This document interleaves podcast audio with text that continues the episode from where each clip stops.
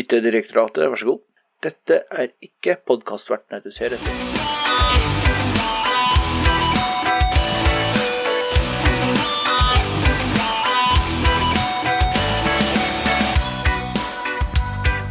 Yes, da er, det, da er vi tilbake etter å ha vært litt i sånn halvveis uh, podfade. Vi har jo gitt ut en par episoder på ganske lang tid. Vi har uh, vi, klarte endelig å få ferdig quizen, så den kom jo her.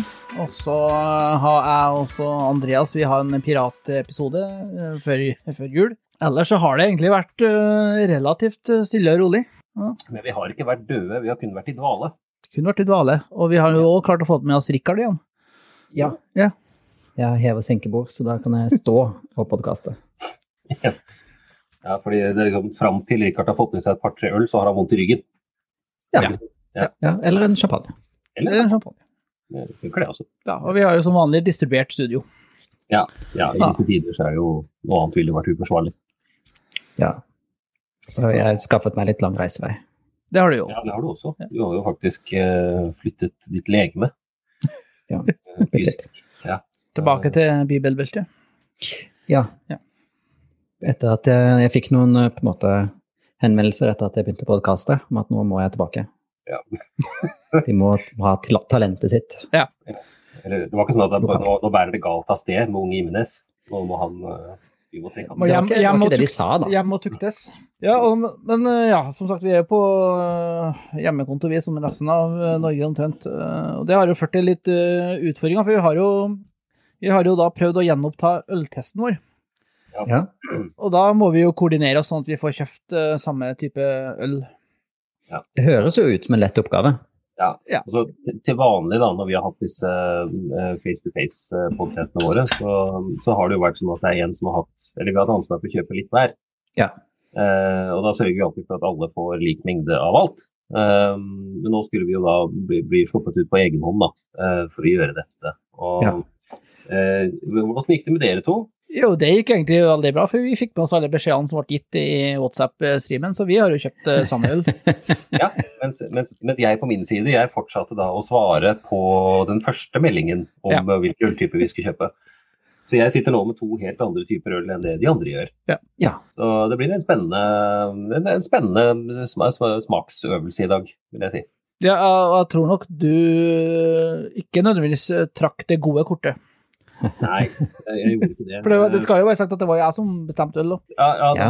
Det er jo liksom gjerne et stort rødt flagg uh, bare der. Uh, for du er jo den som har trukket fram disse ølene som tidligere har blitt referert til som magesyre og Ja. ja. men uh, Jeg sier ikke hva det er for ennå, men det, det har vi på slutten. Ja. Eh, dere kommer kanskje til å høre noen reaksjoner underveis. Kan hende. Men det får vi bare, det får vi bare leve med. Ja, vi får se hvor det, hvor det tar oss hen, egentlig. Ja. Yes, uh, ja. Hva skal vi prate om i, i dag, da, egentlig? Uh, vi, er, vi er på et nytt år, og da skal vi vel egentlig, sånn som alle andre, snakke om det som skjedde i fjor. Men vi skal ikke snakke om snakke om uh, covid og korona. Nei, Vi skal prøve å unngå det Ja. Mm. så godt vi kan. Vi egentlig, altså, vi snakket vel om i planleggingen til denne episoden om at vi, vi skulle ha en straff for de som sa, sa covid eller korona. Ja. Eh, men jeg vet ikke med de to ølene som jeg har her, så vet jeg ikke hvor smart det er. Yes, nei, Vi snakket om å oppsummere eh, 2020. Eh, Mm. Riktig. Og det er jo, altså, vi, vi er jo i utgangspunktet en eh, IT- slash teknologipod, da. Så det er jo det som er basisen. Det er jo det vi prøver å innbille oss, i hvert fall. Ja. Ja. Altså, eh, så det er liksom innenfor de områdene og sjangerne da, vi tenker å oppsummere. IT- og teknologipodkast med lav faglig utbytte. Det er tagline. Der har du vars. Men um, vi har jo skrevet en liten agenda her, og det første punktet vi, vi har på listen er jo um, hjemmekontor, eller med både H og G. Ja. Så det har jo, jeg vet ikke hvordan det er med dere, men jeg har sittet på hjemmekontor nå siden ja, enten slutten av januar, begynnelsen av februar i fjor. Ja. Så det er jo et år nå. Ja, Starter du så tidlig? Ja, Gjorde det, gitt. Jeg jobber jo innenfor helsesektoren eh, med teknologi der. Så jeg fikk jo mer eller mindre ganske klar beskjed veldig tidlig om at fram til vi Altså, nå, de som ikke absolutt må inn, de trenger ikke å reise inn. Nei, Nei, jeg tror vel jeg har hatt hjemmekontor eh, som ganske mange andre siden medio mars, og etter den tid så har jeg kanskje hatt kontordager sånn, ja, ti dager på kontoret eller et eller annet sånt, tenker jeg. Så, så det er ikke verst. Du har vært på kontoret, i hvert fall? Jeg har faktisk vært på kontoret. Jeg har klart, klart å fått meg en ny kunde underveis òg, og på det kontoret har jeg sikkert vært øh, fem av de ti gangene, kanskje seks timer. Mm. Mhm. Så, så ja, det har eh, Jeg har sett mye av de samme, samme veggene. Nå ble det fryktelig negativt her, da. Men, eh, vi, vi må jo starte med, starte med det, fordi det er jo ikke altså, Du skal jo ikke stikke under en stol på det at eh, det er jo relativt eh, Så det blir jo slitsomt etter hvert, da. Ikke sant? Og så ikke se folk omtrent i det hele tatt i eh, et år som du liksom skal jobbe ganske tett med. Jeg synes det jeg er jo en sånn relativt utprega sosialt vesen, så jeg trives jo veldig godt å, å se folk i øynene når jeg snakker med dem. Således er det nok bedre for meg og Rikard, vil jeg tro. Kan tenkes. Ja. Så hjemmekontor funker egentlig ganske greit for min del. Effektiviteten eh, går jo eh, ganske mye opp fra en ordinær arbeidsdag på åpent landskap. Ja. Men jeg må si, selv jeg begynner også å savne litt eh, den interaksjonen som man har med, med folk eh, ved kaffemaskinen, eller når man har et møte der man skal samarbeide om et eller annet. Mm. Ja, ikke sant. Og det, det er jo sånn Jeg opererer jo litt sånn i, i eh, hva skal jeg si, i, i vannskorpa mellom det tekniske og det administrative. Da, er hvor jeg sitter. Så jeg er jo veldig avhengig av å på en måte, ha god dialog og kontroll på de som skal utføre. Ja. Og det, det har vært litt sånn altså, det, de, er jo flinke folk, så det går jo for så vidt greit. Men eh, det, har vært litt utfordrende, da. Liksom sånn. Ja, ja nei, det merker jeg. Jeg jobber jo med hovedsakelig med informasjonssikkerhet, så liksom, det å stå og henge opp ned kaffemaskiner, eller eh, skal si, røykehjørnet i hermetegn, det var sånn der man samler intel for å finne ut hva som faktisk foregår i organisasjonen, Mm. Det er jo ikke så, det er ikke så mange som eh, sender deg en mail og med beskjed om at eh, kan du hjelpe meg med noen sikkerhetsgreier her. Aller helst vil de gjerne fly under radaren, så da må du, da må du stalke de der eh, kaffemaskinene og sånt nå, for å høre det siste på ryktebørsen. Hva er det? Hvilke prosjekt er det som foregår nå? Ja, ja, det- Kanskje det neste må bli en slags virtuell kaffemaskin, ja, der man kan henge og. Copyright pending. Ja, der, eh, jeg jobbet sammen med en en gang som kalte um, altså, den, akkurat den der søken etter den der kaffeautomatpraten, eller vannkjølerpraten, Ja. og jakte vannbøfler. Så jeg egentlig synes det var ganske bra. Nei, men, eh, men sånn på, det, på, den positive, på den positive siden, da. Altså øh, jeg, har jo funnet Jeg finner ganske mye glede, må jeg innrømme. Altså, jeg pendler jo inn til Oslo til vanlig. Så jeg finner jo ganske mye glede i det der, altså kunne følge i barnehage skole, og så kunne hente etterpå. Uh, uten å, at det går Ja. på akkord med verken jobb eller uh, egen mental helse for å komme seg av gårde i tide. Ja, det er veldig greit å så slippe den der uh, pendlinga. Altså. Det skal Mm. jeg være enig i. Og så stå på en bussholdeplass og se på de såkalte real time-tallene fra Ruter. Mm. Mm. Ja. Da så står det 15 minutter, 10 minutter, og så står det nå. Og så står det 15 minutter. Ja. det er det vi kaller for sporveisminutter. Ja, jeg tror det, det er litt samme som der taskbaren til Microsoft, egentlig. Ja, Det samme den der nedlastingslisten. Ja, eller, Ja, noen som er flink til å beregne tid for eh, gjenstående Ja, ja. Ja, nei, så savner ikke akkurat den der eh, pendlinga. Det, det, og det er, jo, det er jo for så vidt eh, veldig greit, da, for at eh, du får jo litt ekstra tid på, på jobben, altså på kontoret. For i stedet for å bruke timen fra sju til åtte på å pendle inn, så jobber du i stedet, for eksempel. Mm. Altså, det har vært veldig bra. Og, altså, vi har jo også fått kanskje nå stempla en gang for alle at hjemmekontor det er ikke en uting altså, å ha i sortimentet sitt. da. Nei. Men eh, det er litt viktig at folk har riktig utstyr, da.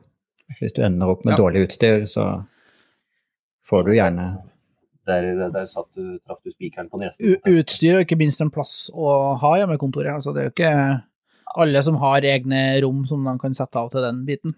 Det er jo de som, sitter, som har sittet opp ned kjøkkenbordet sånn, det siste året omtrent. Det, har vært mange tilfeller hvor uh, disse møtene man sitter i, høres litt ut som den første episoden av podcasten vår. At eh, man sitter på toalettet. ja. Således har det jo vært bra for oss, da, for da, nå er det ikke like nå, Vi har ikke den der baderomslyden lenger. Nei, vi har ikke det. men, men uansett, det, men det med utstyr altså, Jeg vet ikke hvordan det er rundt omkring. altså Vi, i hvert fall jeg, da, har jo, hadde jo utstyret fra før. Så jeg, for meg så gikk det veldig greit. Men jeg har vel opplevd kanskje at arbeid, jeg vet ikke hvordan dere opplever men arbeidsgivere har vært litt eh, Det har ikke vært så veldig sånn eh, proaktiv holdning da, til å utstyre folk med riktig utstyr. Eh, ja, nå, nå har jo jeg jo alt jeg trengte hjemme fra før av, men jeg vet jo de kundene jeg har hatt, sånt også har det jo arbeidstakerne der har jo kunnet tatt med seg skjermer og sånne ting eh, hjem, vet du. Ja, nå, nå tenkte jeg ikke hovedsakelig på, på det rent altså IT-nære, da, men jeg tenkte på eh, kommunikasjonsutstyr. Altså ordentlige hodesett med mikrofoner Ja, sånn, ja, og kameraer og den type ting. Ja, men kamera var jo nesten umulig å få tak i i det det her skjedde, så, og, og det er jo fortsatt vanskelig å få tak i webkamera til en fornuftig penge. Det er jo gjerne, enten så er det de der superbillige som er bare klapp, eller så er det jo hysterisk dyre kamera. Du får ikke den der midrangen. Men det er mye laptopkamera, jeg ser at det er mye interessante vinkler. Ja, det er mye, mye rett opp i nesa. Rikard. ja. Jeg, jeg har jo faktisk eh, endelig klart å investere i et webkamera, for ellers hadde ikke dere sett meg i dag. Um, men eh, plasseringen, den eh, skal jeg hvorfor har du lagt det kameraet på gulvet? Men det, det er det eneste stedet jeg kan ha det. Du har ikke fullt på skrivebordet. Det, det skal jo sies da, Rikard, at du har jo virkelig gått all in på hjemmekontorskjermen din. Eh, ja. Jeg tenkte at når jeg først skal ha en skikkelig hjemmekontorskjerm, så skal jeg ha en som det er plass til eh, fire ordinære skjermer på, minst. ja. Hvor mange tommer snakker vi her? Um, 48. Ja, så det er såpass på det var. Ja. Jeg kan skjønne at det blir litt vanskelig å sette webkamera på toppen av den skjermen. Ja, altså da, det, jeg kunne jo forsøkt det, jeg forsøkte det i starten, og da blir jeg, det, det så litt rart ut det også. ja. det, ser, det ser ut som du er på et overvåkningskamera. Ja. ja jeg, skal, jeg må jobbe litt med å prøve å finne en sånn mellomting mellom eh, på en måte noe lignende disse knapp, under knapp-webkameraene som flere, eller under skjerm-webkameraene som flere laptoper er utstyrt med, som det ser ut som jeg har nå, og overvåkningskamera. Ja, nei, men det, det er mye dårlig. Altså, det er jo folk som bruker eh, sånne headset eh, som følger med telefonene og sånne ting. Det er jo ikke Ja. Dette, dette, dette har vi vært innom tidligere, tror jeg. Men den der, mm, altså, en mikrofon som du skal bruke til denne type bruk, den må være retningsbestemt. Eh, hvis det skal ha noe effekt, Eller så plukker det opp all støy i rommet.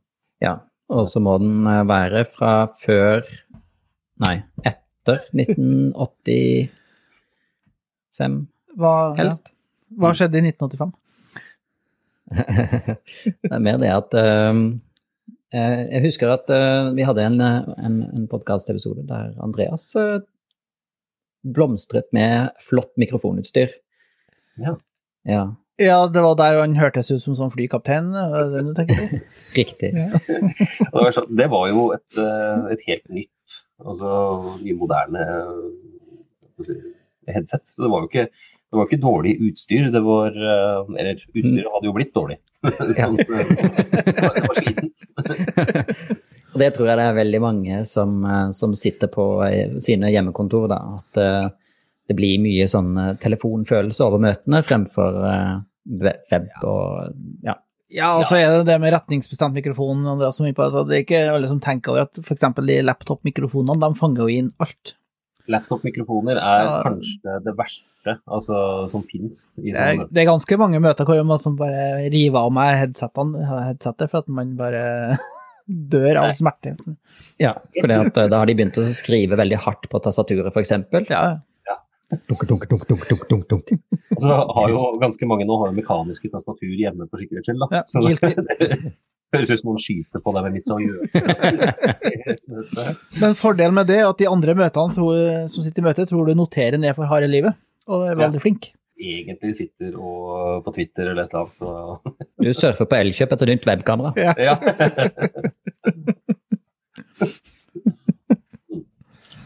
Nei, men sånn, ehm, sånn, sånn oppsummert da med 2020 på hjemmekontor, så sånn effektivitetsmessig, som du sier, Kurt, så har jeg jo ikke gått noe ned. Nei, det tror ikke jeg Altså, heller. fått, fått gjort minst like mye som det jeg gjorde inne på kontoret, men det er mer den derre eh, Hva skal man si eh, Balansen, da.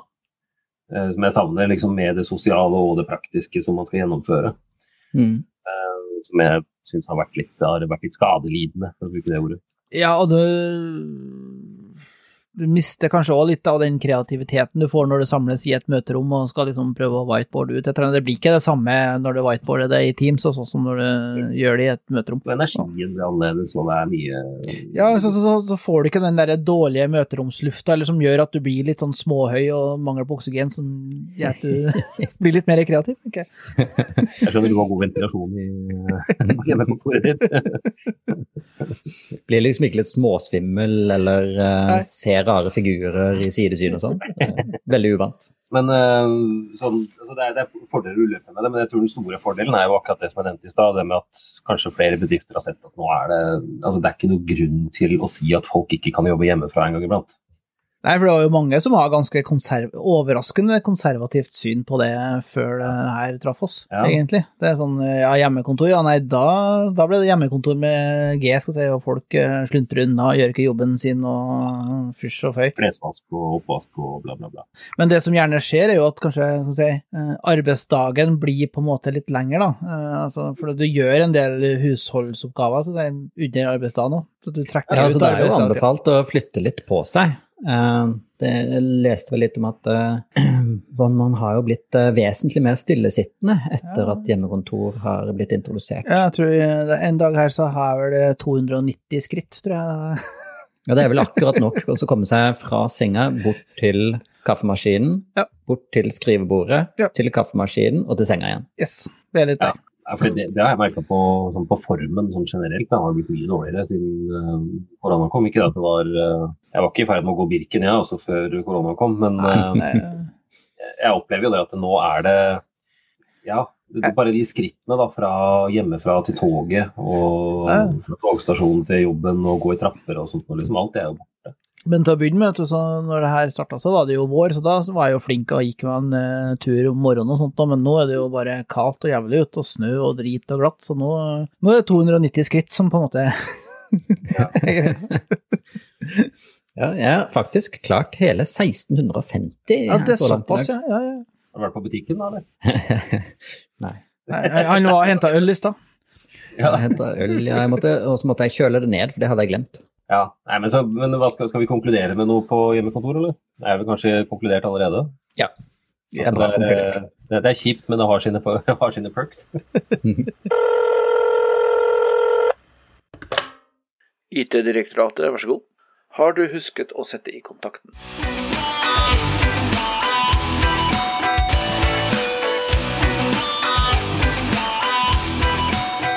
Men noe annet som det her har gitt oss, er jo da eh, si, fester og sosiale sammenkomster via Teams, eh, Zoom, eh, ja, you, you name it. Det er jo nesten som en gang i tida når man var student og ha IRC-fest, og satt og drakk eh, øl og chatta på IRK.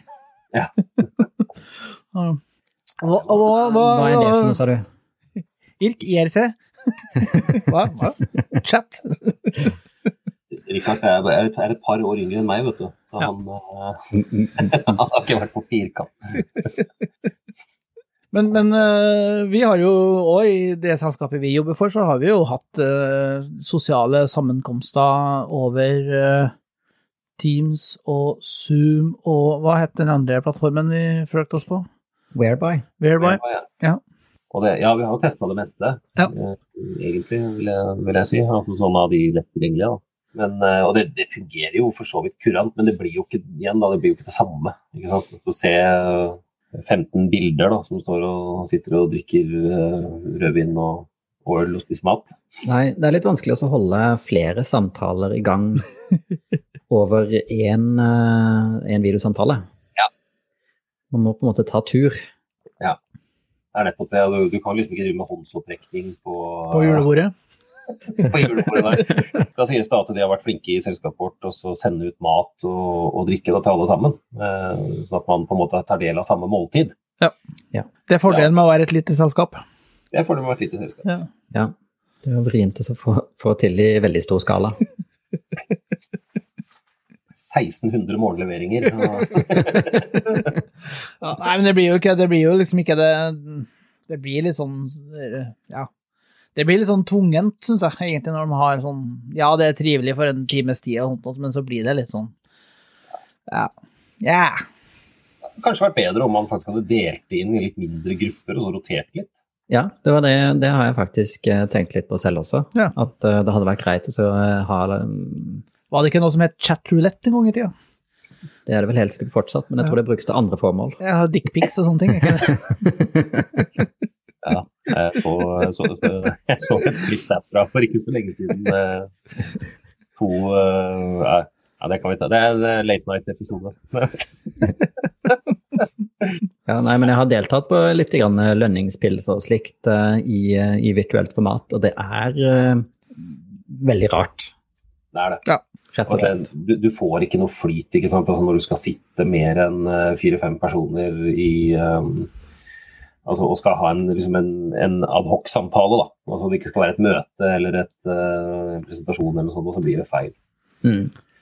Eller det blir, blir vanskelig, i hvert fall. Ja, det blir vanskelig å finne dynamikken der. Ja, det gjør det. Så, Ja, men, men det merker jeg jo bare Unnskyld. eh, Når vi gjør den her IT-direktoratet-podkasten, Mm. hvor det blir litt mer automatisk litt mer tungrodd eh, enn det var når vi satt ansikt til ansikt inn på det kjøkkenet med litt dårlig luft. Ja. Da, for du, du får ikke helt den samme flyten og dynamikken. Nei, altså, du, du gjør jo ikke det. Altså, det ikke sant? Og så er det jo litt altså, Uansett hvor bra tjenesten er, så er det jo ikke det samme som å altså, sitte live. Du vil ha litt forsinkelse, og du vil ha litt uh, Ja. det med det andre. Og da ender du opp med feil øl, da. Ja, det ender opp med Ja. feil øl, ikke sant. Så nå sitter jeg her med, med noe jeg, jeg, jeg, jeg gruer meg. Jeg skal begynne på den ene nå snart. Vi gleder oss. Ja. Yes, men eh, med, med Zoom da, så er det jo altså, Zoom som, eh, eh, som vi har brukt en del eh, Ja. i podcasten her, og som vi også brukte på quizen. Ja. Så er det jo Det, det finnes jo morsomme ting også, da. Altså, Paul er jo veldig glad i eh, å variere bakgrunn. Jeg er jo det, og det er jo fordi at mitt eh, kontor er da egentlig en kombinasjon av et garderobeskap, eh, skittentøysskap eh, og eh, tegneserieoppbevaring og hjemmekontor. Ja. Så da av og til så egner det seg best å ha en eh, Zoom-bakgrunn. Og det tror jeg faktisk, helt ærlig, er litt av grunnen til at Zoom tok såpass av. Var det at man kunne gjemme alt rotet man har i bakgrunnen med, med en, sånn, en eller annen wallpaper. For det har jo ikke Teams og de der til å begynne med. Nei. Nei. Det tok jo ikke så voldsomt lang tid før de også klarte å introdusere Ja. noen sånn halvgode features på det også. Ja, ja. Det er veldig kul, eh, veldig kul feature og veldig nyttig for eh, altså folk. Altså, det er jo ikke alle som syns det er like kult å ta med seg hele kontoret inn i huset sitt. Liksom. Det er noe med det. Ja. Uansett hvor ryddig det er. Så. Og i hvert fall for min del, da, om morgenen, siden jeg, skal si, jeg sitter inne på noe som, som fungerer som garderobeskap, og har uh, kjerringa som kommer inn om morgenen og etter å ha dusja og sånt, og så er det jo greit å ha en, eh, en wallpaper. Ja, Da, og liksom døra bak meg, der driver de og går inn på badet om morgenen og sånt, og så, ja. Jeg bare spør, fordi Du sitter altså da i en kombinasjon av garderobe, tegneserieoppbevaring, hjemmekontor og har skittentøysskap eh, her, skittentøyskap. Ja, Ja. nettopp. og så er det Ja. Jeg, jeg fikk litt sånn Harry Potter i skapet under trappa-feeling. Ja, vi når du sier det, så Ikke nå, men for en del år siden så har jeg jo kontoret mitt under trappa hjemme òg. Ja. ja, mens vi drev og pussa opp. Så satt jeg i trappa. Men jeg må jo, må jo nevne det at vi har øh, Jeg tror jeg gjorde en øh, prosjektleder litt forlegen her øh, for noen dager siden. For han, det var jo en Teams-samtale, og han har ikke på noe bakgrunn eller noe. Så det så ut som han satt inni klesskapet sitt. Og da, da spoler jeg jo bare rett Se med all verden sitter under klesskapet ditt, så ble det litt sånn øm, øm, Og så forsvant videofeeden, og så gikk det litt en stund, så satt han på stua. Med litt sånn rødlett uh, uttrykk i ansiktet. Men er, det, men er det noen som har hatt noen sånne eh, litt sånne rare opplevelser, enten på egen, eh, for egen maskin eller andre, når de har sittet i disse videomøtene? Nei, jeg tror egentlig ikke det. Det har stort sett Altså, det er jo alltid noen unger i bakgrunnen, og det sånn familiemas og folk som mister PC-en sin i gulvet og sånt. Men altså, det, var, det var det som egentlig var litt mitt poeng også. Da. At jeg opplever at folk har vært veldig liksom, bevisste på at man er på video hjemme, da, på en måte. Ja. Eh, jeg så jo et eh, Det var en sak på nettet for en stund siden om en, eh, en, eh, en eller annen sjef som hadde klart å klikke på et av som hadde blitt en potet under hele teammøtet. Ja, klarte Og det er, jo, det er jo sikkert bra når du skal liksom ha et seriøst møte, og skal du fortelle 100 ansatte at eh, beklager, men eh, nå går det litt dårlig, så nå må vi faktisk eh, ha noen nedskjæringer her. Det er vanskelig å ta poteten alvorlig. Ja. Det kan jeg for så vidt forstå. Det skulle i hvert fall vært en sånn poo-emoji, i det minste. Det hadde på en måte vært greit. Ja. Nei, det var eh, det, det, men Ja, altså så disse Zoom og um, Nei, ikke Omegel, det er jo en av disse her chatroulette-greiene. Men eh, Mm. eh, disse selskapene som holder på med disse tingene, har opplevd en skikkelig boom. Så, Ja, men Zoom har en del uheldige runder med litt sånn halvnakne gamle menn som kom inn i klasserommet under undervisninga og Det var vel egentlig den norske konkurrenten, var det ikke det? Ja, de må Whereby ha det. det. Ja, Whereby har det. det, har- Det men henger jo litt sammen med på en måte, hvordan disse møteteknologiene er skrudd, skrudd sammen. For de skal jo være veldig enkle å joine. Ja, og Ja. da må du på en måte kaste sikkerheten ut av vinduet. ja, men, men samtidig, da. altså det at en eller annen, men Var ikke det en eller annen person som satt og holdt undervisning, og så gikk det en halvnaken mann bak? Var ikke det som var greia der? Jeg tenker, det, har, det har vært flere runder på det der. Det var jo noe begrep som heter Zoom-bombing, ikke sant. Ja, Hvor du bare taster inn en tilfeldig møtekode, og så Ja, ja. Og så, ja, gjorde du whatever you fancied. nettopp Mhm. akkurat det, det, det er. Men ja, Whereby har jo en Det var Oslo-skolen var det ikke det? Hvor det var litt sånn uheldig Jo, Ja. det var det. Men man skal jo være litt obs på sånn møte, altså virtuell møtekultur. da. Altså Bare det å avslutte møtet når du er ferdig. Uh, var, var det ikke en dansk lærer som hadde eh, glemt å på en måte legge på? Ja. Og så hadde hun på en måte noe annet fortsatt da, etter hun liksom var ferdig med sitt. Og så hadde hun eh, gått av gårde og så hatt en, en, en hyrdestund med sin samboer. Eh, ikke noe holdt å si, videoopplegg, liksom, men lydene hadde jo kommet gjennom da, til disse skoleelevene. Ja, men jeg tenker det er Danmark, så det gikk sikkert bra. Ja da, altså det, hun fikk ikke sparken, hun fikk ikke sparken, men det var en vennlig påminnelse fra skolestyrelsen om å mute når man var ferdig. Ikke når man var ferdig. Ja, ja, Ja. ikke sagt, Ja. I, I det minste mute. I det minste mute. ja, det har nok vært en del sånne awkward eh, moments rundt omkring, tror jeg. Ja. Eller Ellers så kan vi gratulere de som har investert i eh, disse videoselskapene, da, Ja. når pandemien brøt ut. yes. Fordi de har jo gjort penger. IT-direktoratet, vær så god. Use sword to kill troll.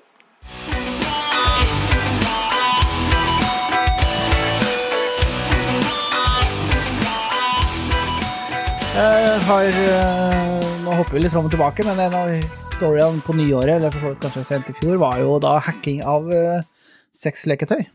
Ja, det er nydelig. Det, det her er litt fantastisk, og her snakker vi jo sånn eh, kyskhetsbelte for menn. Et lite poeng Som- før du går videre. Ja. Eh, Kyskhetsbelte for menn, kan du regne det som et sexleketøy?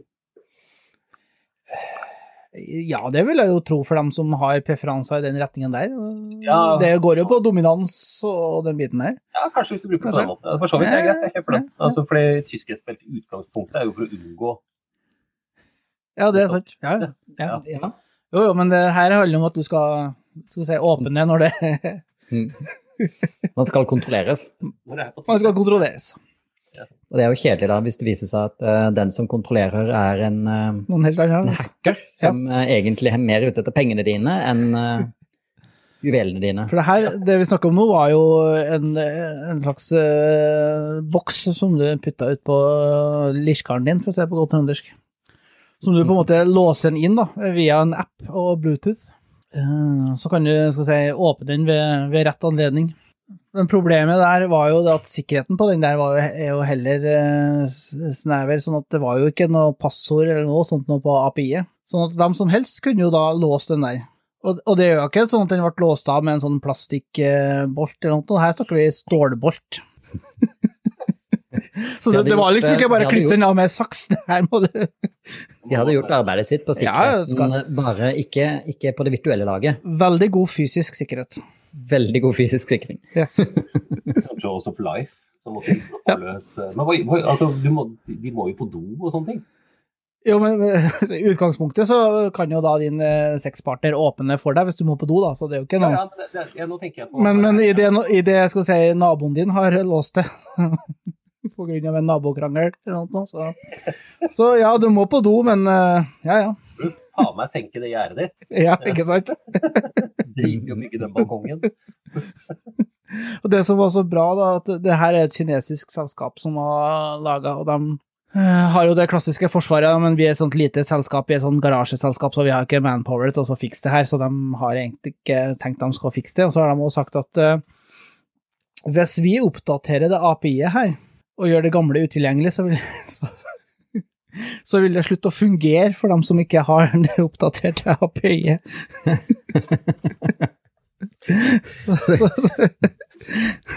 Du, du skulle jo tro at disse menneskene altså, som har laget dette her, da, kunne bare skrive en eller annen form for kode og lage en safety switch eller et eller annet. ja, Så- nei. Det, det, og det var ikke noe sånn at det var noe sånn, så vidt jeg skjønte, så var det ikke noe sånn uh, dødmannsknapp på den dingsen som gjør at du kunne bare trykke på den, så åpna det, så er det noe sånt. Og det, var det lost, så var det lost, og da måtte du fram med skal si, Jaws of Life for å få enten det eller en sånn vinkelskjærer.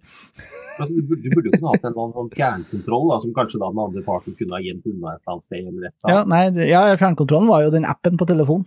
Ja, det er det jeg mener. da. Ikke Ja. sant? Altså, fordi, sånn, sikkerhetsmessig så må du jo alltid ha to utveier, da, tenker jeg. Ja, men nei. nei. Nei. Så vær forsiktig med hva du kjøper på nett. Ja, Ja, eller- husker jeg spilte på Wish. Er det det vi sier? Nei, det er det vi sier. Det er det vi sier. Ikke alt skal være på nett. Nei. Nei, det er noe med det. Det er en del ting som eh, bør forbli på soverommet. Ja. men, men eh, det der er jo, jeg gjorde litt research på det, så er det der er sånn generell bekymring ikke sant, rundt det med sexleketøy som havner på, altså som er online. Hva det faktisk samler inn av data og, og sånt noe. Og hvor lite sikkerhet det er rundt det. Så der kan vi nok se ganske mye interessante hendelser framover, tror jeg. Ja, det er kanskje en egen spesial. Da. Bare vent litt på hendelsene. Ja, folk, folk, Ja, ja, ja. Ja. De er på vei. ja. De er på vei. Da. Ja, så det var en liten Det var nesten litt sånn se hva jeg fant på internett, men jeg, jeg måtte bare ha med den der. Altså. Ja, Det passer jo egentlig fint inn med neste punkt som går på, på handel. Ja. Det er en bra Segway inn på den der. Norsk, eh, norsk varehandel har jo gått eh, helt amok etter at eh, vi fikk eh, eh, portforbud, nesten. Ja, men er det Ja, er det Er det internettvarehandel, eller er det generelt eh, Eh, Det er vel eh, det er, det er vel to ting. Eh, Det ene er eh, elektronikkvarehandel. Ja. Og der er det både i butikk, men eh, netthandel har jo sett en enorm vekst i år i forhold til bare i fjor. Ja. Vi snakker her eh, 36% Og når du sier i år, så snakker du egentlig om i fjor. Riktig. Ja. Det stemmer. Ja. Jeg skulle ikke vite hvor mye av dette her som var sånn panikkjøping for hjemmekontor. Ganske mye, tror jeg. Eh, Jeg tror jeg nevnte det tidligere, men jeg har jo en kompis som jobber på Det var Lefdal, så nå er det vel da Elkjøp. Dem eh, gikk jo i løpet av de første ukene så gikk jo dem tom for eh, skjermer og webkamera. Ja. Det var jo ribba hele butikken for det. Ja, de gikk også tom for, for flere varianter av tastaturer og Ja, på en måte annet kontorutstyr som er kjekt å ha. Kyskhetsbelter. det var helt tomt før. Men, det er jo, men apropos tastatur, det er jo nesten helt håpløst å få tak i tastatur, noe som ikke er mekanisk eller har masse RGB-lys på seg. Ja, jeg har ofte Jeg, jeg har faktisk både og her hos meg. Ja, jeg, for Jeg jeg er har, litt skjult gamer, så Ja. jeg har- har jo også et sånn RGB, sånn mekanisk tastatur med bakgrunnslys hele pakka. Så var jeg her og var innom Elkjøp eller Power, eller hva det var, for å prøve å finne et helt vanlig tastatur. Ja, ikke det, vet du. Det er bare å glemme. Det er enten sånne mekaniske tastatur, eller sånne, sånne bitte små eh, tastatur. Finne et godt gammeldags vanlighet. Nei, det er bare å glemme. Hardt liv. Ja, det er grusomt. Altså det, vi kommer jo til dette her i, et, uh, i en senere episode, men uh, jeg har jo et sånt uh, Kickstarter-tastatur som jeg har foran meg her nå, som er utformet som en gammel skrivemaskintastatur. Eh, og bråker altså helt hinsides. Eh, så jeg er veldig glad for at jeg A ikke har noen andre med meg i rommet når jeg sitter og jobber, og B fordi at jeg har retningsbestemt mikrofon. Ja. Men ingen RGB på det tastaturet. Nei. Det ser ganske flott ut, da. Med RGB? Nei. Ja, tastaturet? Ja, ja, det er veldig fint. ditt tastatur. Ja, ja, takk, jeg er veldig fornøyd med det. Men RGB, liksom, jeg har egentlig aldri helt skjønt poenget med det. Det, det ser bra ut. Ja, men gjør det egentlig det? Nei, det gjør egentlig ikke det. Jeg blir mobba av min 15 år gamle datter for at jeg har RGB-tastatur. Ja. Jeg tror hun mener at pappaen er for gammel til å ha det. Ja, men altså, Hva er alternativet? For det er hvis Du skrur av, du kan jo ta og skru av bakgrunnsbelysningen på den. Ja. Men da, er det jo like, da kan du like så godt ha et helt blankt tastatur, for da kan du ikke se hva som eh, står på knappen lenger.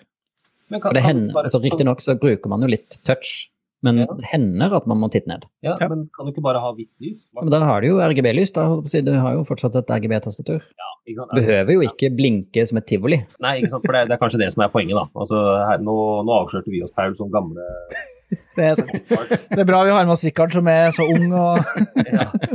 For det, det er jo helt riktig, det går jo fint an å, å stille på dette her, men poenget er jo kanskje Ah, har dere et standard? Har dere den der butikkinnstillingen? Den som liksom bare veksler mellom masse forskjellige farger? Nå- Kanskje. Jeg ser på tastaturet mitt nå, og annenhver tast er henholdsvis grønn, Ja. eh, eller hver tredje tast er grønn, Ja. oransje Ja. og gul. Jeg har ikke gjort en eneste ting med innstillinga.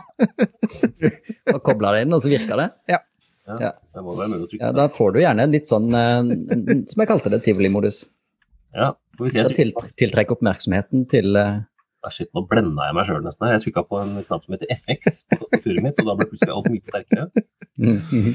Oh. Ja.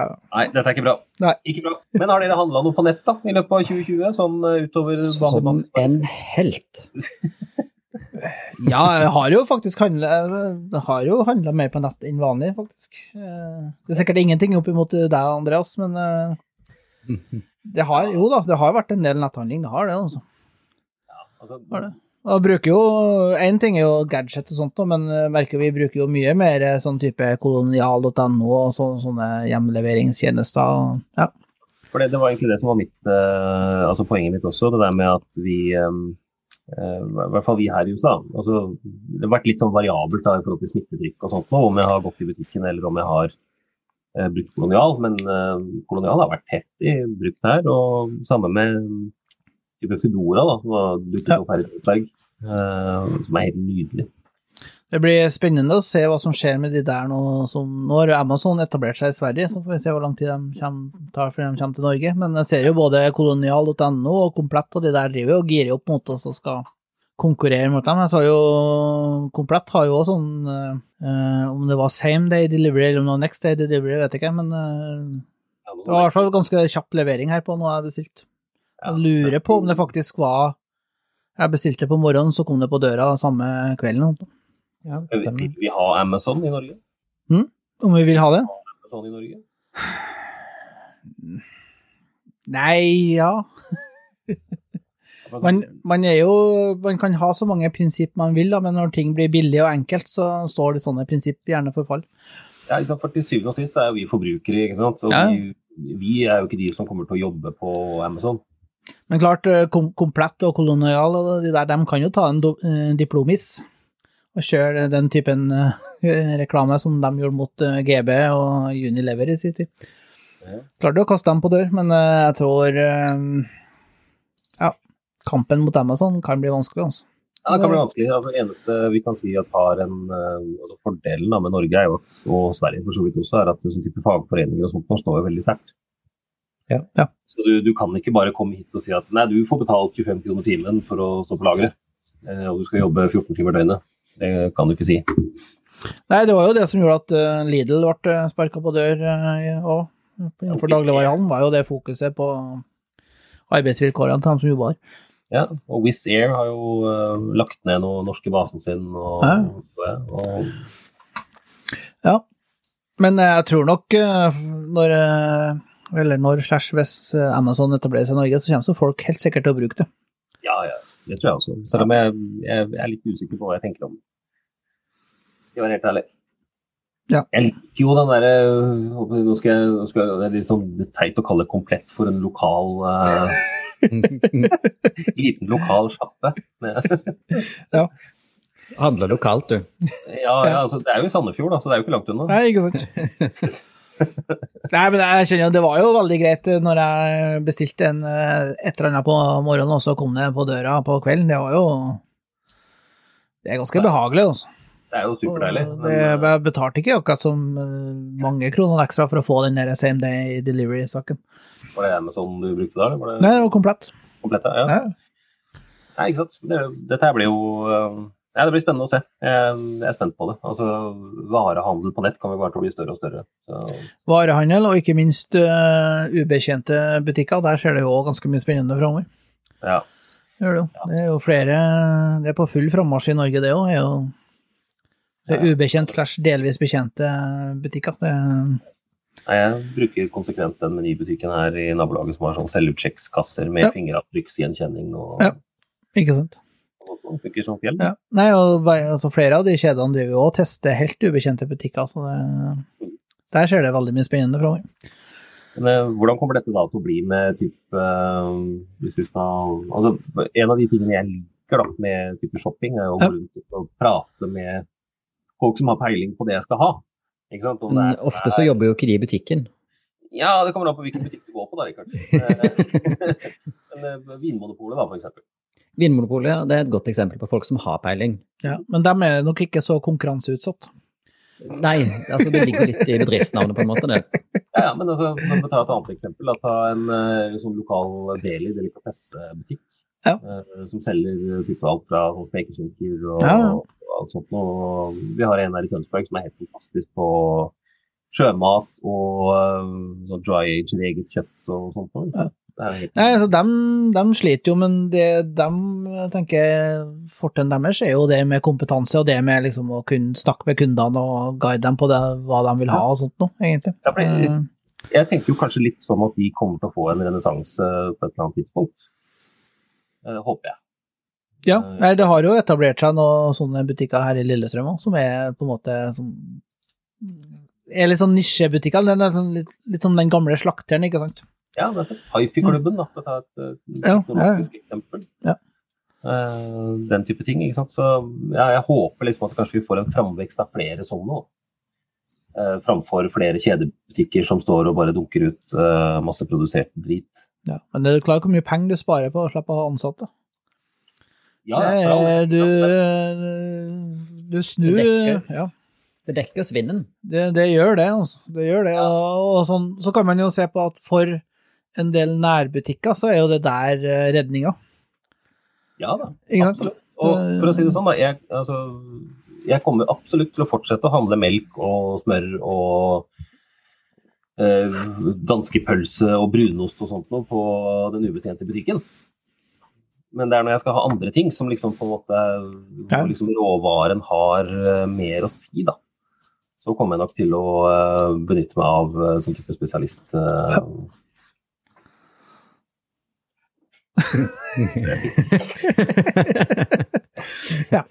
Jeg fikk besøk av en chihuahua.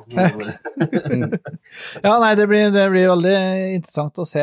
Det skjer veldig mye på den der eh, fronten, både på netthandelbiten og man ser at det er flere sånne nisjebutikker som dukker opp, i hvert fall i de litt større byene. Mm.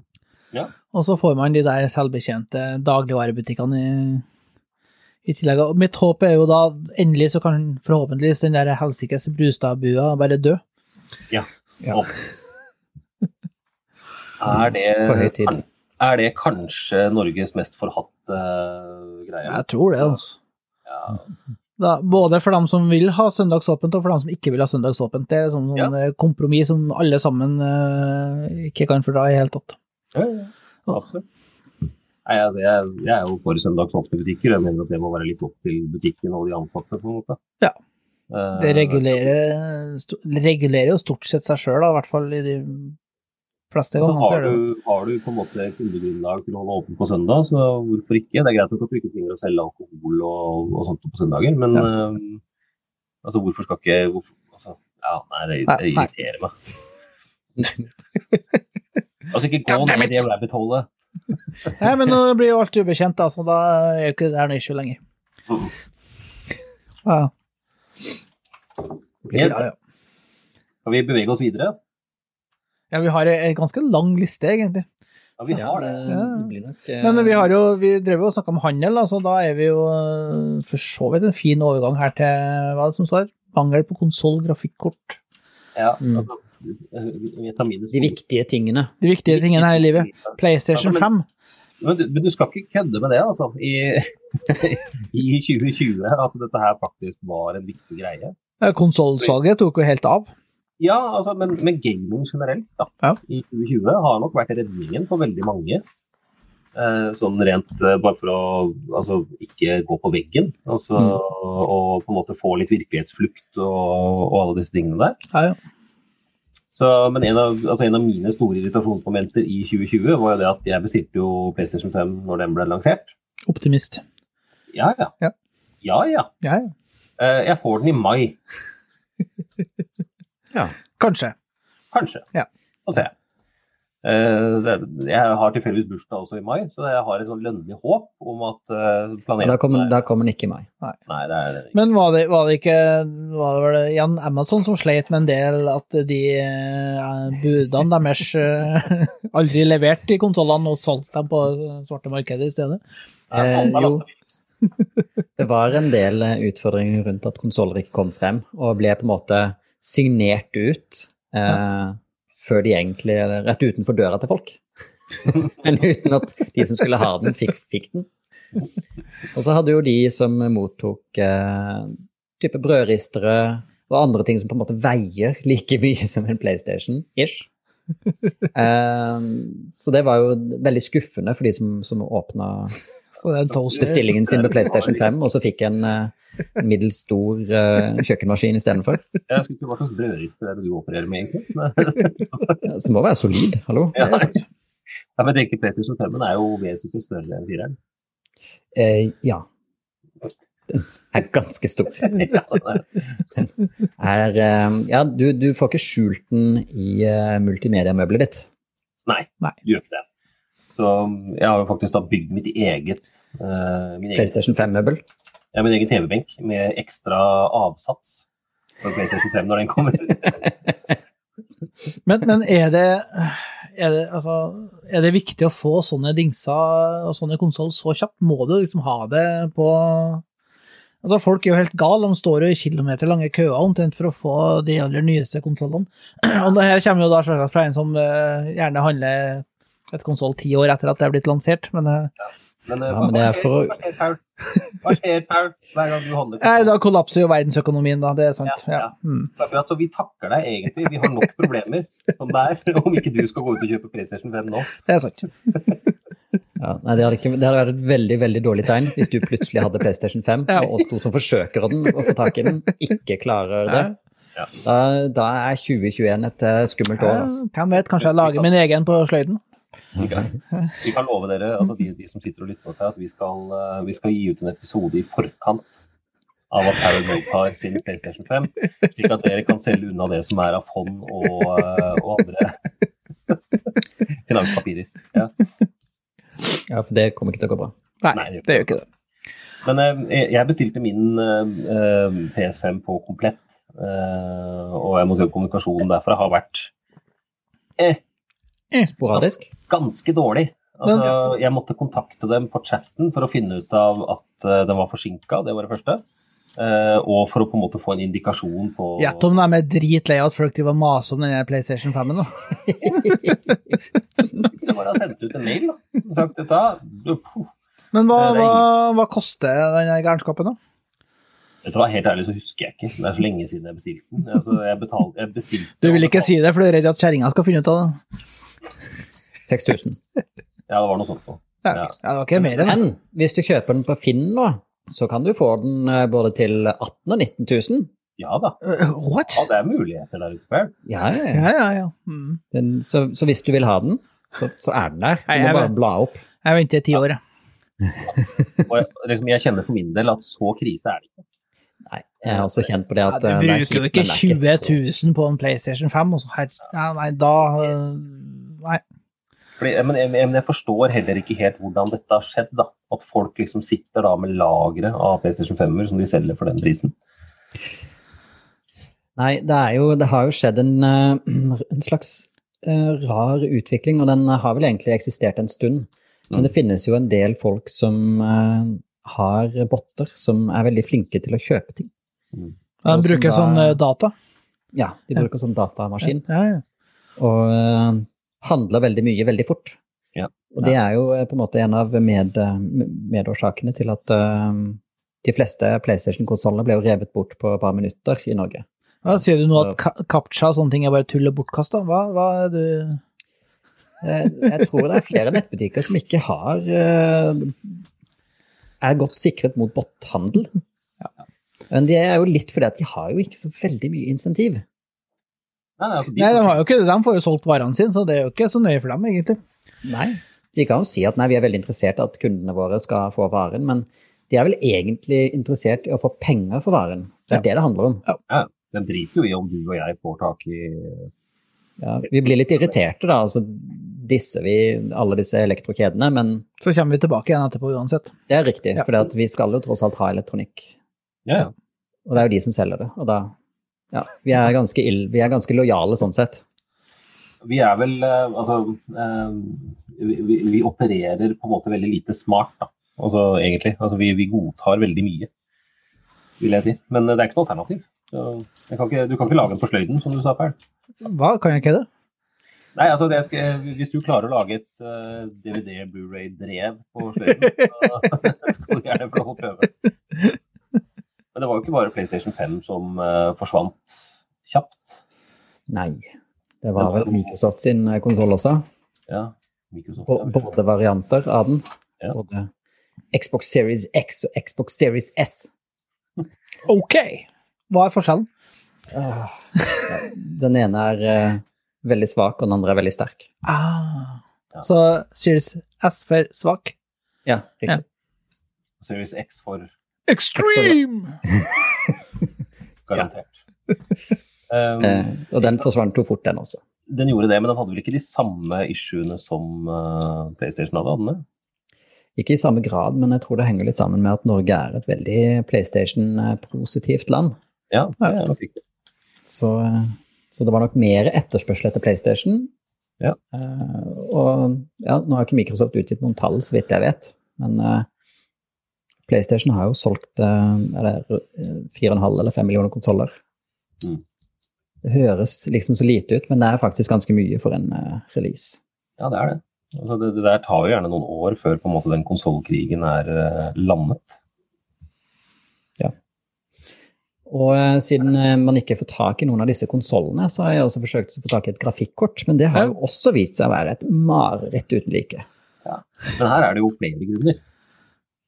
Altså, Én ting er jo at folk skal game, det er nå én ting. Ja. En annen ting er Ja. at uh, vi driver og graver etter gull. Det stemmer det.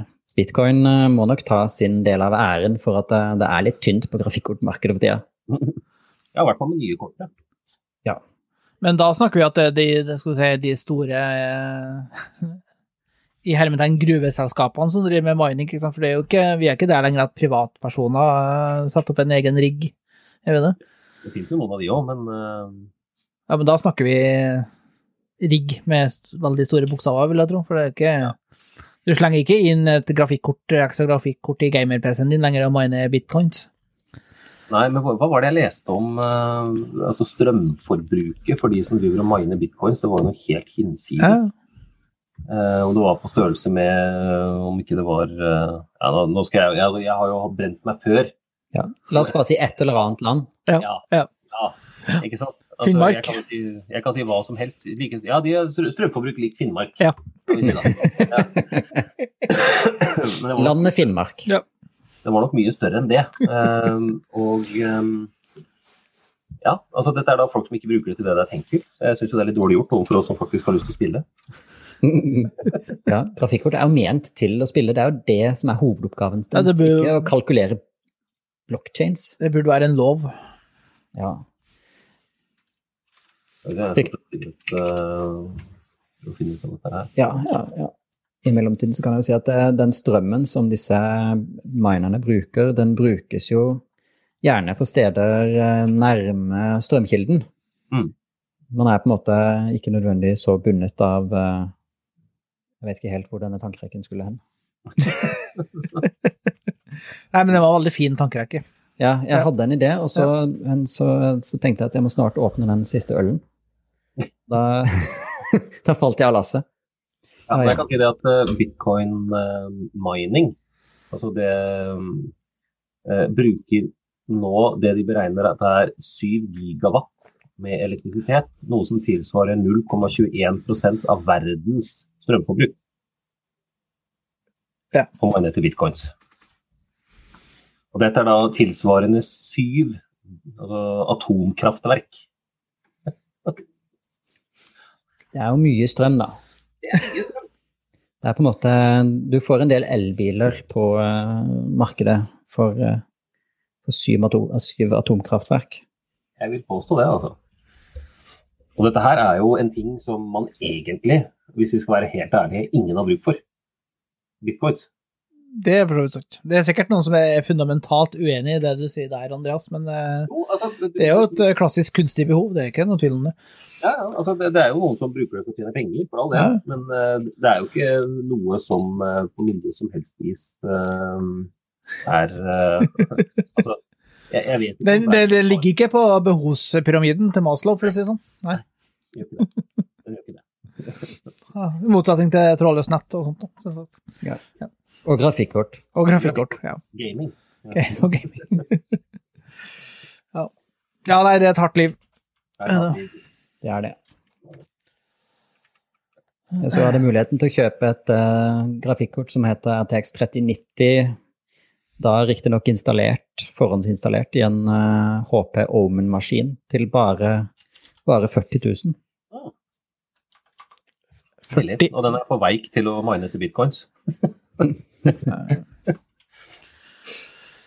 Nei, det er, eh, men dette her er jo um, Jeg ser det står i, i, i notesene våre til episoden at uh, altså det, var så, det gikk ikke an å få tak i det. Så basically så hadde de bare sagt at se hva vi har laga, men så var det ingen som så noe til det. Det er det man kan Ja. kalle for en Det står en papirlansering. Ja. Yes. Men uh, tilbake til for så vidt konsoller. Et av de store spillene som skulle eh, lanseres, eller som ble lansert for eh, for så vidt PlayStation 5 og Xbox òg, var det ikke det, Rikard? Du som er spill- eller gamer-alibiet vårt. PlayStation 4, PlayStation 5 Det var jo Xbox, Cyberpunk eh, 2077. PC. En av årets største skuffelser. Ja, jeg skal Igjen, det her er jo nok fordi at jeg er en gammel mann og ikke helt følger med, for jeg hadde ikke fått med meg at det her var sånn eh, Noe som mange har venta på i lang, lang tid. Egentlig, men jeg har jo fått med meg alt som ble eh, rundt det etter at det ble lansert. Altså, dette skulle jo egentlig lanseres til eh, april i, år, i fjor. Ja. Og så ble det utsatt til september. Så viser det seg at uh, desember nok var en riktig måned, og så utsatte de det vel et par, en uke eller to i tillegg. Kanskje de skulle ha utsatt det ei uke til. Ja, ja eller, eller to. Eller et år. Eller et halvår. Ja. Ja. Altså, med, med de som har laget dette spillet, altså CD Project Red, som er Ja. et polsk uh, spillselskap, tror jeg, eh, de har jo en, en veldig god altså, historie og en katalog bak seg, vil jeg påstå. ja. De er jo ikke et, eh, et selskap som eh, De har jo oppstått De, de eh, holdt jo på med, med kopiering av teiper i sin tid. Det var på en måte der de starta. Og distribuerte spill på den måten. Litt sånn piratkopieringsaktig. Ja, Men ja, de, har jo, de står jo bak Witcher-serien, som har ja. De aller fleste kanskje har hørt om Om de ikke har hørt det på spill, så har de kanskje sett det på Netflix. Selv jeg har hørt om det. Og det The Witcher 3, 3 var det vel, eh, som kom før eh, Cyberpunk, det var jo et fantastisk eventyr. Ja, det vil jeg si. Ja, Ja, det, og, ja, altså, altså, så vidt jeg har skjønt, hypen rundt Cyberpunk var jo enorm, og har jo også fått med at det var en del reviews som sa at det her er liksom det beste spillet noensinne. Mm. Og kaste seksere på terninga, og så, ja. Ja, det viste seg riktignok at eh, de som var veldig fornøyd med spillet, hadde, de hadde spilt eh, utelukkende PC-utgaven. Ja. men var, så- var det at PC- og PS5-utgaven var gode? Ja, Eh, men for så vidt også Xbox Series X-utgaven. Ja, ja. Altså, alle de nye next gen- eh, eller PC-variantene var bra, men så var det De slapp det også for eh, current gen, da. PS4, Ja, ja, ja. og der Der gikk det for seg, Rikard. De spillene fungerte jo ikke. Nei, altså, Altså, vi snakker jo her uh, jevnlig under 20 FPS, eller da La oss kalle det 20 hertz, da. Kanskje noen skjønner det? ja, det er litt mer sånn som jeg skjønner. Ikke sant, men, men akkurat, akkurat det der handler jo om eh, hvor, hvor, eh, hvor, hvor god flyt det er i bevegelse Ja. og, og den type ting. Men Ja. det var jo også et problem rett og slett det at figurene og karakterene ble ikke generert på en fornuftig måte. Nei, så det så ut som sånne Ting ble ikke lastet inn. og Ja, jeg har jo sett noen sånne reviews eh, på det her, og det er jo masse glitcha, det er ting som er halvferdig inne i spillet, og som storyline er litt sånn eh. Ja. Og Det henger ikke helt med på det som ble lova, så vidt jeg har skjønt. Nei. Nei. Og det, Det er massevis av features som er blitt slengt inn sånn sånn last minute, virker det som. da. Men, Så eh, ja, det Men jeg tenker at de, de måtte nesten være i deep shit økonomisk krise, i og med at de konkurrerte med at ok, vi satser på at det her går bra, og så lanserer vi likevel, selv om det er Jeg mener, jeg mener en plass at det her selskapet har jo som eh, credo at de ikke lanserte ting som var uferdig og som var crap. Mm. Det var liksom litt av eh, De har litt den derre don't be evil-mantraen. De eh, har i hvert fall vært veldig flinke til å sørge for at spillene er patchet, eller blir fikset hvis de oppdager noen feil. Ja. Eh, og det tror jeg vi kanskje kan regne med at de kommer til å gjøre denne gangen også, men at det kommer til å ta litt tid. Ja. Og de har også vært veldig flinke på å gi ut uh, type, sånn utvidelsespakker og sånt noe, Ja, ja. fra et visst punkt, da, uten at det er noe tilleggskost. Mm. Eh, så eh, veldig, altså Personlig så er jeg veldig glad i det selskapet, men de har eh, på godt norsk bæsja på leggen. Men klarer de å komme tilbake fra den her? Altså, er, Altså, de- er ikke de jo- Cyberpunk eh, 2077 dødt? Nei, altså, de har tjent mer på Cyberpunk 2077 enn de har gjort på noen annet spill, så sånn sett så går Ja. det nok helt greit. Så selv om folk er kjempemisfornøyd, og det ble ekskludert fra PlayStation Store fordi at eh, det fungerte jo i praksis ikke på PlayStation, og det ble markert med varseltrekant på Xbox, for det fungerte jo ikke der heller, så, eh, så har dette spillet vært en eh, formidabel salgssuksess. Så det er sånn verden virker, da. Ja. Hva er lærepengen her? Makes perfect sense. Ja, ikke sant. Hype equals money. Ja da. Men et, et annet spill da, som ikke på en måte har det samme budsjettet, er jo Among Us. Ja, ja ikke sant, Som for det også har fått en, en, en ny på en måte æra i år. tok jo av øh, i løpet av 2020. For det er, jo ikke, det er jo ikke et nytt spill, så vidt jeg har skjønt. Nei, det er vel fra 2017, så vidt jeg husker. Ja, ja. Og for en sånn gammel mann som ikke helt henger med i gami- gamingverden Måten jeg oppdaga det her spillet på, var jo det at når jeg var på speidertur, så drev jo speiderne og leika Among us. De, ja. Ja, ja. Faktisk. Så da måtte jeg jo finne ut hva i all verden er det her. Så ja, og det er jo et ganske enkelt konsept. Ja. Det er jo eh, Man er et crew på, eh, på en, eh, et romskip.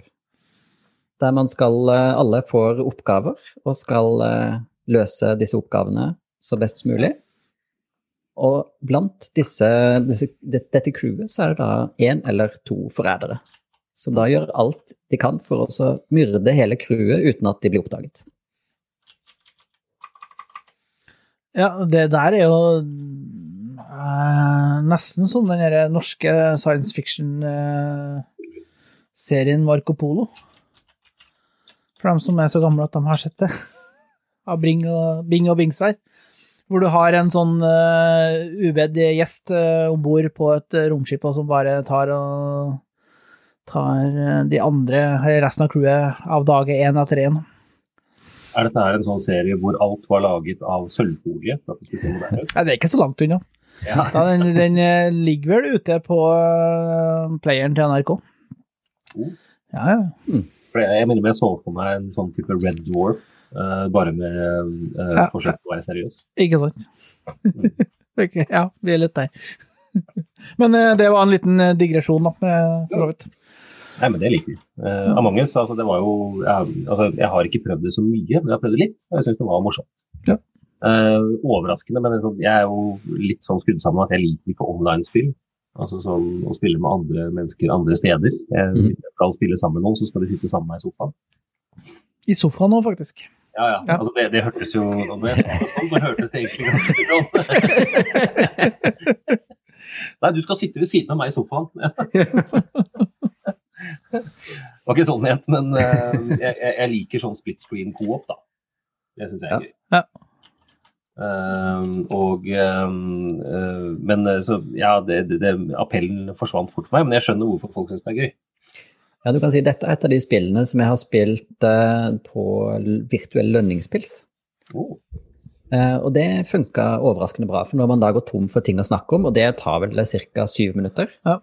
eh, så er det greit da å kunne endre fokus til å så finne ut hvem det er som driver og lyver blant Ah, legene der. Godt Det tips. Er, eh, ja, det er, et, eh, det, det er jo også derfor det har tatt litt av. Det har jo blitt streamet av ja. uh, utallige Ja, så blant annet hun uh, AOC, hun uh, politikeren i USA, har eh, hatt en egen sånn eh, session hvor hun har eh, spilt dette her da, sammen med folk. sammen med Donald. Mm. Sammen med Donald, sier med trumperne. Det hadde vært noe verdt å se på det. What in the hell is that?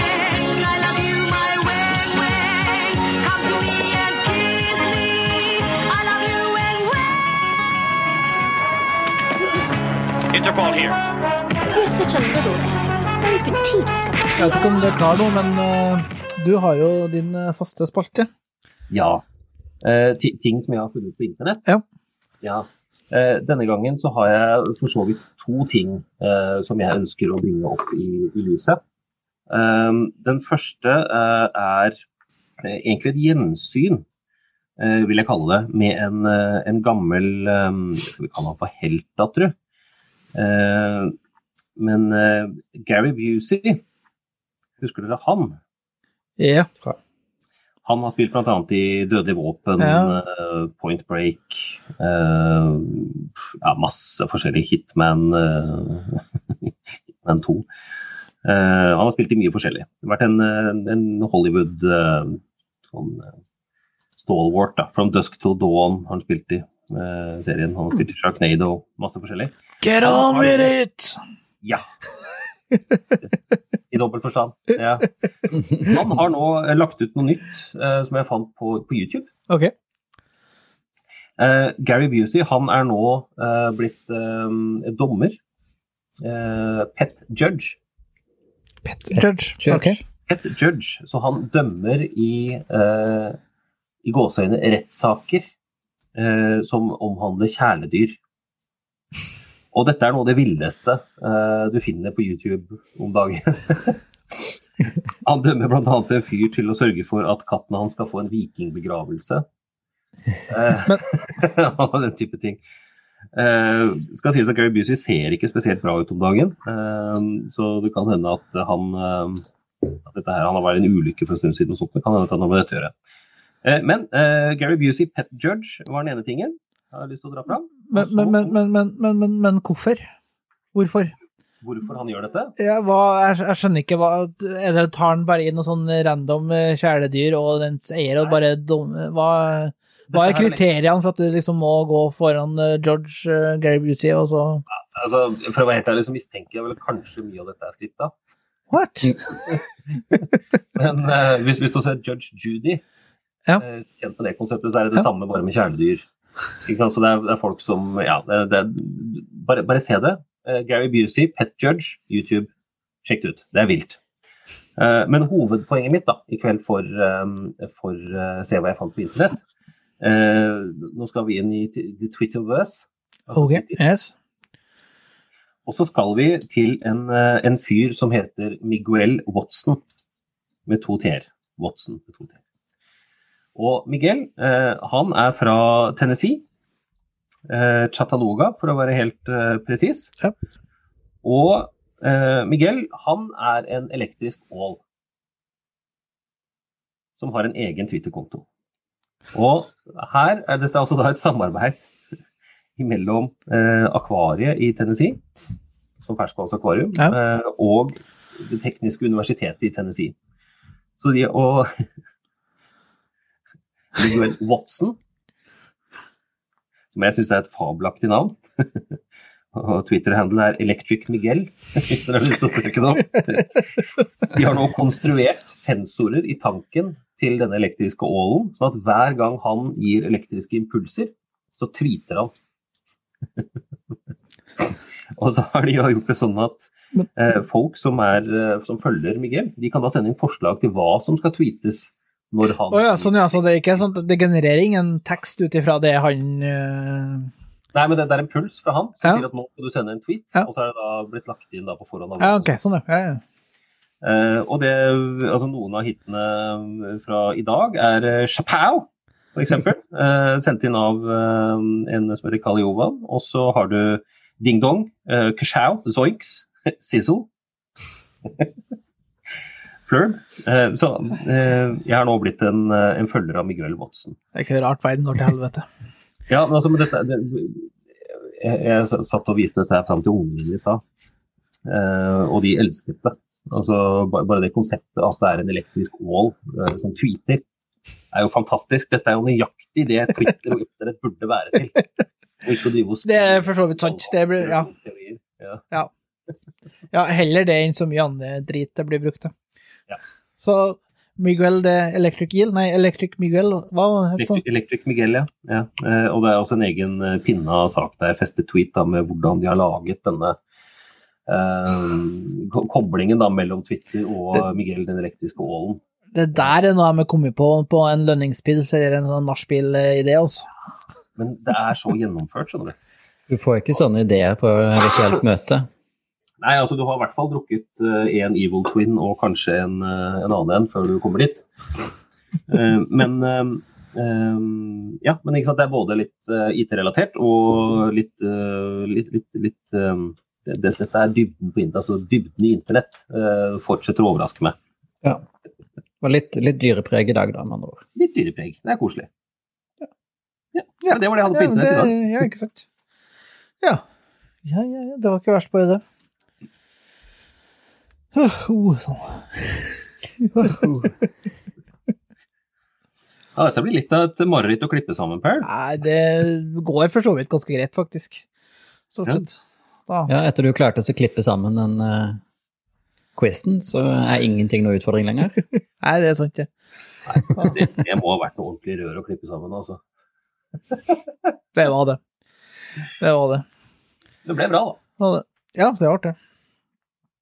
Det. Eh, Men eh, ja, jeg lurer jo på om vi skal rett og slett ta oss og summere opp noe, faktisk. Eh, Summer, summer skal, hva- hva skal vi summere? At eh, 2020, det, det var ja, Og så må vi litt vurdere men det kunne vært verre. Det kunne ha vært verre. Det er Det kunne vært verre. Ja. Vi kunne ha bodd i USA. Ja, vi kunne bodd i USA. Det hadde vært verre. Vi kunne for så vidt ha bodd i Sverige også. Det Ja, det hadde også vært verre. Det er nærme, men verre. Summa summarum, altså Summa summarum så har vi vært jævlig heldige, da, for å si det det. sånn.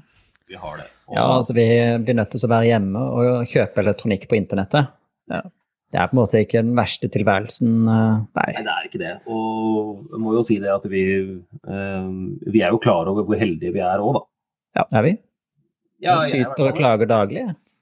Ja, er vi nå klar over det, ikke sant, når den største krisa er at man stenger polet, og folk går mann av huset til nabokommunen for å stå i sju kilometer lang polkø?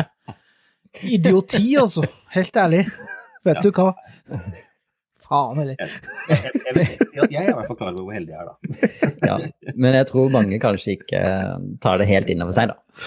Nei, ikke sant. Og det er jo, altså, det er jo mange i Norge som har slitt.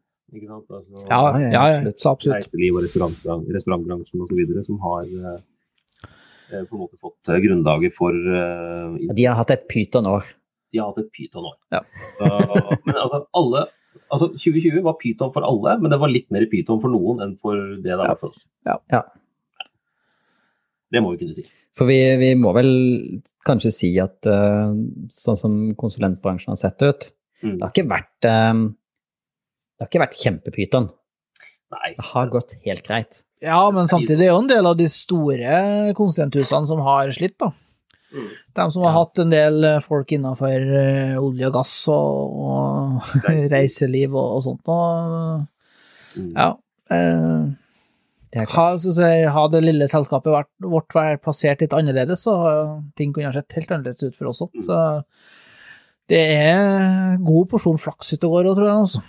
Ja. Det, ja. Jeg synes vi, skal, vi skal ikke underkjenne det at vi har vært heldige. Nei, se der, nå, nå glemte jeg et lite øyeblikk at vi var heldige. ja, ikke Fort sant? gjort.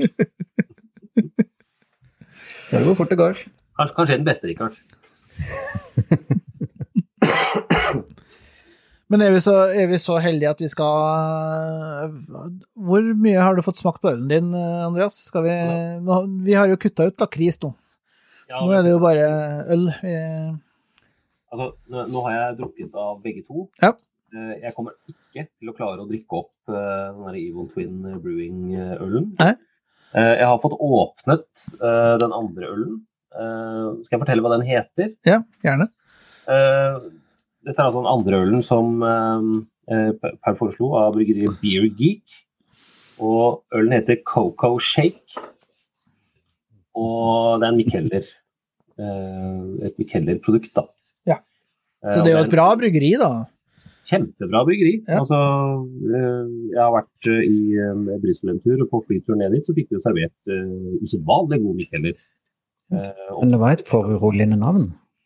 Micheller? Nei. Coco Shake. Ja, Coco Ikke, ikke Brussel, det var ikke Brussel. Nei, eh, Shake, ja. Men dette er altså da en oatmeal stout brewed with vanilla and cocoa beans. Yes. Og jeg vet ikke helt hva som foregikk i livet ditt, Paul, når du anbefalte disse her. Eh, men Nei, var- altså, det, jeg har jo en indre glede av å plage deg. Det er jo egentlig der det ligger. Da fikk du på en måte oppfylt to ting på en gang. For det de to ølene som du valgte som vi normale menneskene klarte oss å få med oss, Ja, eh, var av en litt annen karakter. Ja, fordi vi- vi- Hvis vi nå skal bare ta en liten uh, uh, sånn review, da. Altså, fordi, nå husker jo ikke jeg i farta hva det var karakterskalaen vår var. Uh, Den eh, ja, Hva var det? Godt 0 til 100, var det ikke det for øl? Jo. Jo, det var vel det. Jo, riktig. 0 til 100. Ja. For, eh, for lite. Altså, For ti ble for grensene. ok, jeg, jeg foreslår at dere begynner. Bare fortell hva, hva er det dere har drukket, og hvilke karakterer dere så skal jeg tenke litt. Ja, altså, vi har jo da blant annet drukket Misty Miyagi, Hazy IPA, og det er vel et newzealandsk øl, hvis jeg husker rett. Ja, Mr. Miyagi var Sensei Karate Kid. Yes, ikke sant? Wax on, wax off. Litt, eh, litt syrlig. Um, Ja. A bit fruity. Det var ikke Hva skal man si? Grei nok, egentlig. Ikke noe mer enn det. Ikke noe sånn spesielt. Eh, har smakt mange som ligner. ligner. Jeg tenker, Hvis jeg skulle gi en karakter på den her, da Eh, Ja 57, tenker jeg. Rett og slett for at den var litt kjedelig. Ja, jeg syns den var, eh, var helt, på en måte, helt kurant. Så jeg, jeg er nok helt oppe i eh, 62. Vi er der, ja. Så det, det, det er på en måte Den var eh, veldig, veldig fruktig. Jeg tror den der eh, ma- mangosmaken ble kanskje litt, litt mye for min del. Men eh, Ja. hadde jeg blitt servert den igjen, så hadde jeg drukket den igjen. Ja, det har for det, men det er ikke sånn eh, det, det er ikke en øl som du tenker at å ja, la meg drikke x antall halvlitere av den her i løpet av kvelden. Vi er ikke der. Det holder med én. Ja. Halv. Halv. har du fått tenkt, eh, Andreas? Ja, men dere drukket to, er det ikke det? Å ja, du driver og drygger tida her? Ja, nei, men jeg tenker det kan jo bare fortsette når du først er i gang. Ja, vi har òg drukket en som heter for eh, Ja, i, hvilket språk er det her, da? Gose Bon? Hørtes belgisk ut. Det er vel en Ja, belgier, tror jeg. Ja, den her eh, smakte ingen verdens ting.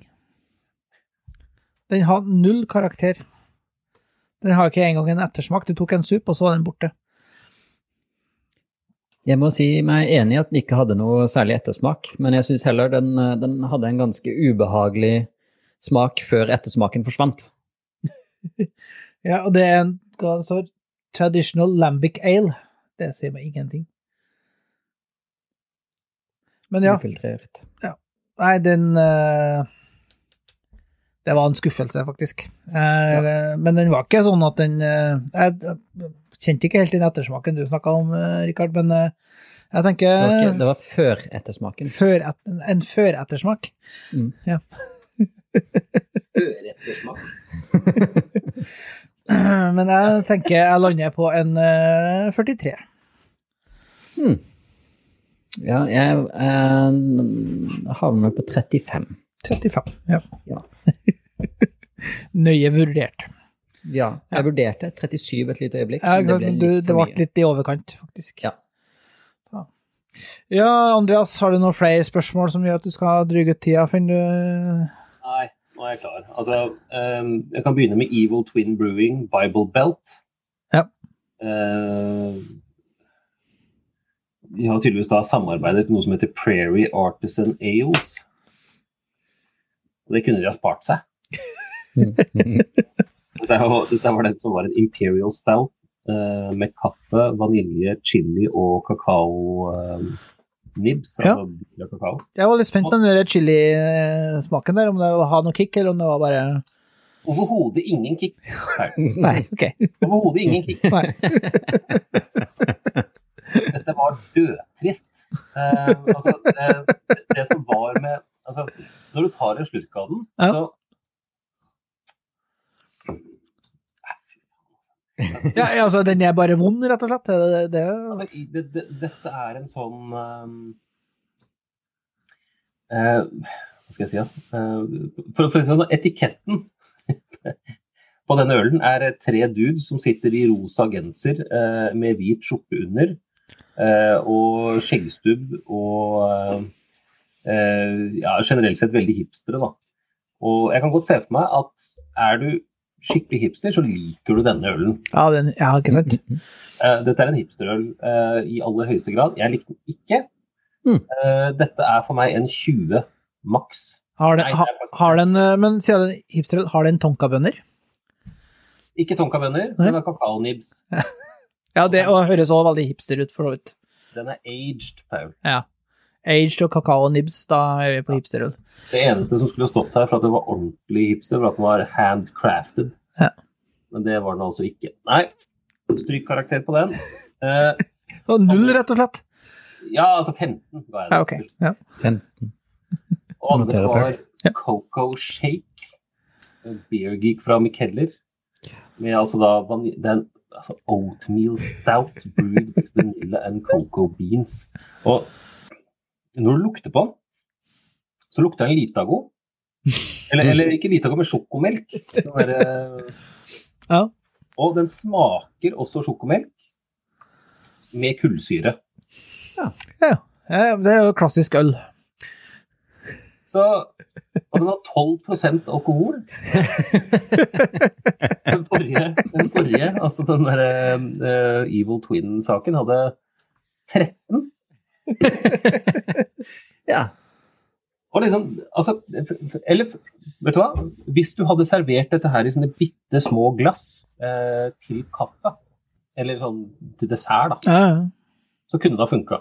Ja. Litt som en dessertvin, men som et øl. Nei. det 15 på begge to. Jeg tror dem vi drakk, den lå på 7% eller noe, Rikard. Men, Det, det kan eh, stemme. Ja, det blir moro med jobb i morgen. 6,5 og 7 ser det ut som. ikke sant. Ja, så, ja, så du var ikke så veldig fornøyd med det kjøpet der, altså? Jeg var ikke det, altså. Det var uh, Altså, det skal jo sies, da, at uh, min preferanse på øl er ikke eh, mørke sånne suppeøl, Nei. kaller for det. Altså, eh, jeg liker en god Guinness innimellom, men den må drikkes i Men-. En god Guinness, ikke Ja, altså jeg drikker ikke Guinness på Dublin i Oslo. Jo da, du gjør det. Ja. Jeg har sett det. Men ikke sant, altså, jeg, jeg kan sette pris på en god stout, da. Ja. Jeg kan det. Men eh, dette her var uh, ikke min greie i det hele Just plain awful. Just plain awful. Ja, ja. Det er et bra ølnavn, det. Det er for så vidt sant. Copyright pending. Ja. IT-direktoratets Just plain awful beer. Du kan jo, du kan jo bestille sånne batcher med øl, vet du. Ja, jeg har lyst du å gjort det. ja, ja. Legge i shoppen vår. Har vi shop? Ja, Sammen med en eh, totebag eller et eller annet. Ja. Laget av hemp. Kan du få en Just plain awful beer laget av uh, avkutta pekanøtter og Tonkabønner. tonka, pekannøtter, tonkabønner og brygget på eh, Det? eh, vi, vi, vi, vi snakket om å skille Clinton fra Veten Clint. Clint. Clint. Klint ja. ja. ikke VT, men Clinton. Ja. ja ja, men da lurer jeg på om vi skal egentlig bare prøve oss å runde av her, for jeg ser vi har uh, Ja, det blir interessant for deg som skal prøve å klippe ned her til, eh, fornuftig, til en fornuftig varighet. Det går så lett. Vi bare håper at folk har lært seg å bruke den der speed up-funksjonen i podkastspillerne sine. Vet du hva, Perl? Det er ikke vårt problem. Det er sant. Jeg pleier også å bruke slow down. Ja. Da høres vi artig ut. Episoden varer ti timer, men det høres i hvert fall artig ut, i det minste. Ja, ja. Nei, men eh, da tror jeg vi skal Takk for oss, da. Så skal vi prøve å la være å gå inn i Podfade eh, Slumber og så hoste opp en eh, ny episode relativt uh, kjapt. Skal vi si, nevne litt om hva som kanskje kan være i kjømda framover, eller? Vi kan godt gjøre det. Hvis du har lista foran deg, så kan du kjøre en sånn uh... Ja, altså, Next on IT Directorated. Eh, litt ting vi har eh, liksom, lekt litt med å snakke om, er eh, eh, altså diverse kjøp vi har gjort, henholdsvis i fylla og ikke. Ja. Ja, Altså, da snakker vi om kjøp som vi tenkte da var lurt, og det her høres bra ut, men som kanskje man har bare brukt én eller to eller tre ganger etterpå. og- Ja. eller kanskje ikke. Eller kanskje ikke. Ja. Ja, med, med, med liksom teknologisk vinkling, da. Så, eh, du får ikke høre om skjærefjøler og, og agurkskreller og sånt noe. Men eh, ja. Med mindre de var elektriske. Det er sant. Eh, IT-arkeologi har vi snakket om. Eh, Det kan vi komme litt nærmere inn på. Og vi har også pratet litt om å, å ha en eh, eh, Å slippe våre bedre halvdeler fri. Eh, Ja, i en episode. Ja. en episode.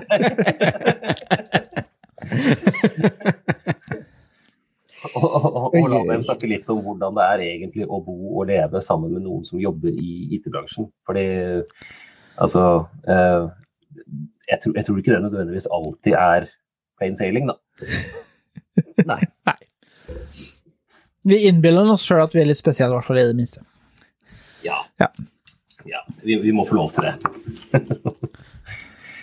Så det, det var noen ting. altså Mer kommer jo også. Men uh, som en sånn oppstart da, for uh, 2021, så syns jeg det var greit å bare gi en liten teaser på hva vi skal snakke om. Eh, har vi har vi fortsatt en e-postadresse? Vi har det, ikke det? Har vi, husker vi passordet til den e-posten? Vi trenger ikke passord for e-postadressen, fordi den er forwarda. Det, ikke sant? Og den, det er vel post at itdirektoratet.no, er det ikke? Jo. Riktig. Og det skal sies at eh, eh, vi har fått et leserinnlegg, hey. uh, eller lytterinnlegg, heller kanskje, uh, fra, fra en, eh, en fast lytter, en fytter, eh, som har etterspurt eh, listen over øl og lakris som vi har smakt på. Ja. Og jeg kan si at det kommer eh, så fort jeg husker eh, passordet på, På hjemmesida. på nettsiden, så at vi får Ja. eh, oppdatert. Det er jo webansvarlig som, eh, som jobber med det. Ja, og hvem er er? Det, det, er vel, eh, det er vel der, det. Det er meg, det. det er meg, Helt riktig. Ja. Så um, det er helt og holdent min skyld. Jeg tar på meg, tar på meg all skyld. Eh, Men eh, veldig god passordsikkerhet, da. ja, Ja. altså sikkerheten er ingenting å si på. Altså, selv de som skal inn der, kommer ikke inn. Men eh, enn så lenge så ligger det godt forvart, eh, så ligger de listene godt forvart i OneNote. Ja. Ja, ja. Det kommer. Det kommer. Følg med, følg med.